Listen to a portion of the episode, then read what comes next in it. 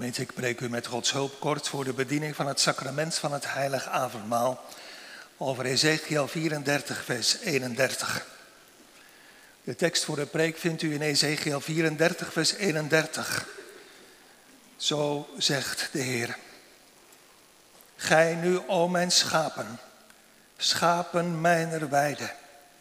Gij zijt mensen, maar ik ben uw God, spreekt de Heere Heere. Tot zover onze tekstwoorden. De grote herder des schapen, die zo zagen we vorige week, het verlorene zoekt, het weggedrevene terugbrengt, het gebrokene verbindt en het zwakke versterkt. Hij noemt zijn schapen mijn schapen, de schapen van mijn weide. Een gemeente dat zegt alles over de liefde van Christus. Dat zegt alles over de liefde van Christus tot u die, die hem door genade kennen mag. Voor een herder, dat weet u, is zijn kudde alles. Hij zorgt er dag en nacht voor. Hij bewaart ze. Hij beschermt ze. Hij voedt ze. Hij leidt ze. Maar voor deze herder is zijn kudde nog veel bijzonderder. Want hij heeft zijn schapen niet gekocht met zilver of goud, maar met de prijs van zijn kostbare bloed. Hij heeft zijn leven gegeven voor zijn schapen. En die schapen vormen één kudde. Zoals hier staat, de schapen van mijn weide, één kudde onder één herder. Wij zijn kinderen van God. Met alle verschillen die er kunnen zijn. Geen groep mensen die zomaar iets gemeenschappelijks hebben.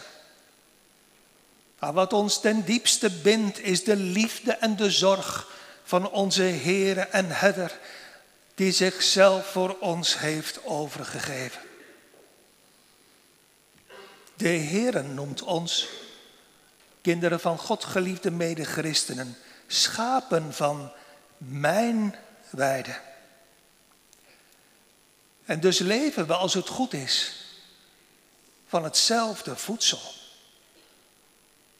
Onze zielen leven als het goed is van het brood des levens. Van de woorden van de mond van Christus. Wij kennen zijn stem, niet waar? En volgen hem. We herkennen zijn woorden in ons hart. Woorden die ons vernederen, maar die God groot maken. Liefdevolle woorden die ons dringen om zijn voetstappen te volgen. Onze zielen leven van het brood des levens. Ook van de tekenen van brood en wijn uit zijn handen ontvangen. Zulke woorden die God groot maken en die ons vernederen en ook vertroosten, staan in deze tekst. Gij zijt mensen. Maar ik zeg de Heere ben uw God. Spreekt staat er de Heere Heere.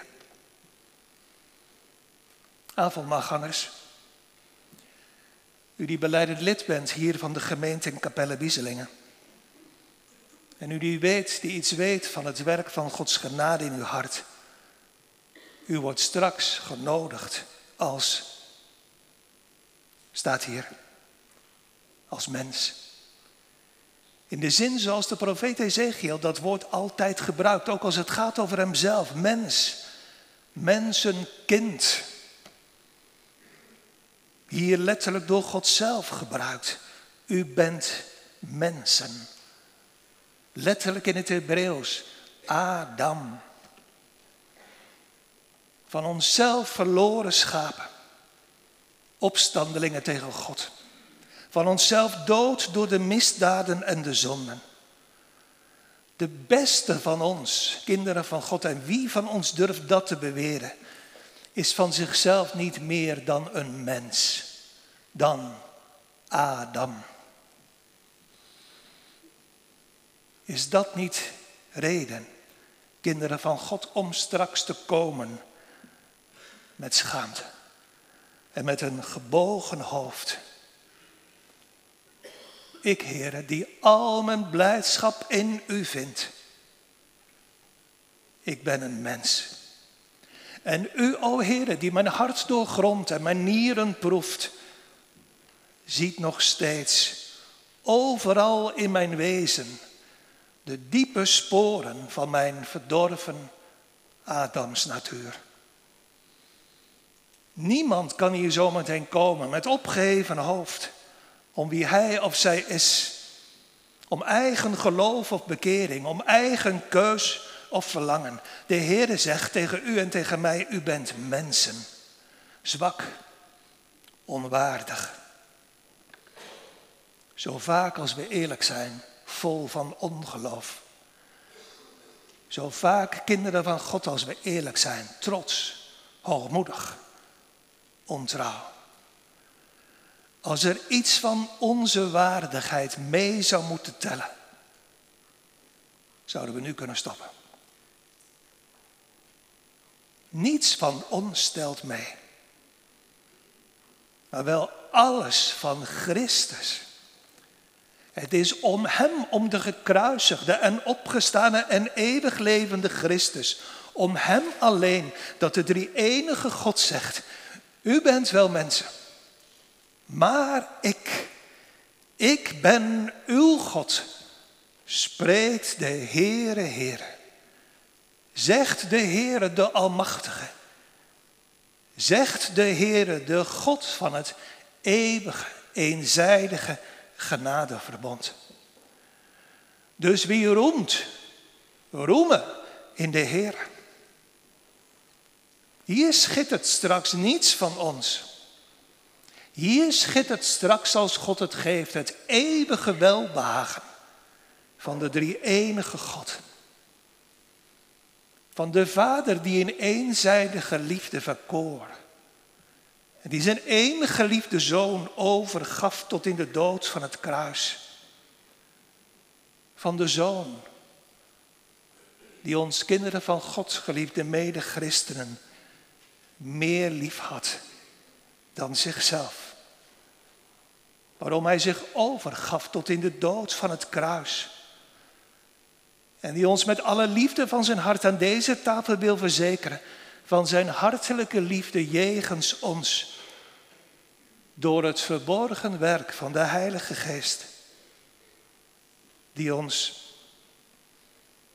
terwijl we met geloof zien op de tekenen van brood en wijn influistert als uit de mond van Christus zelf. Ik voor u, mens, daar u anders de eeuwige dood had moeten sterven. Hier schittert zometeen als de Heer het geeft genade, onverdiende genade voor mensen, kinderen van Adam.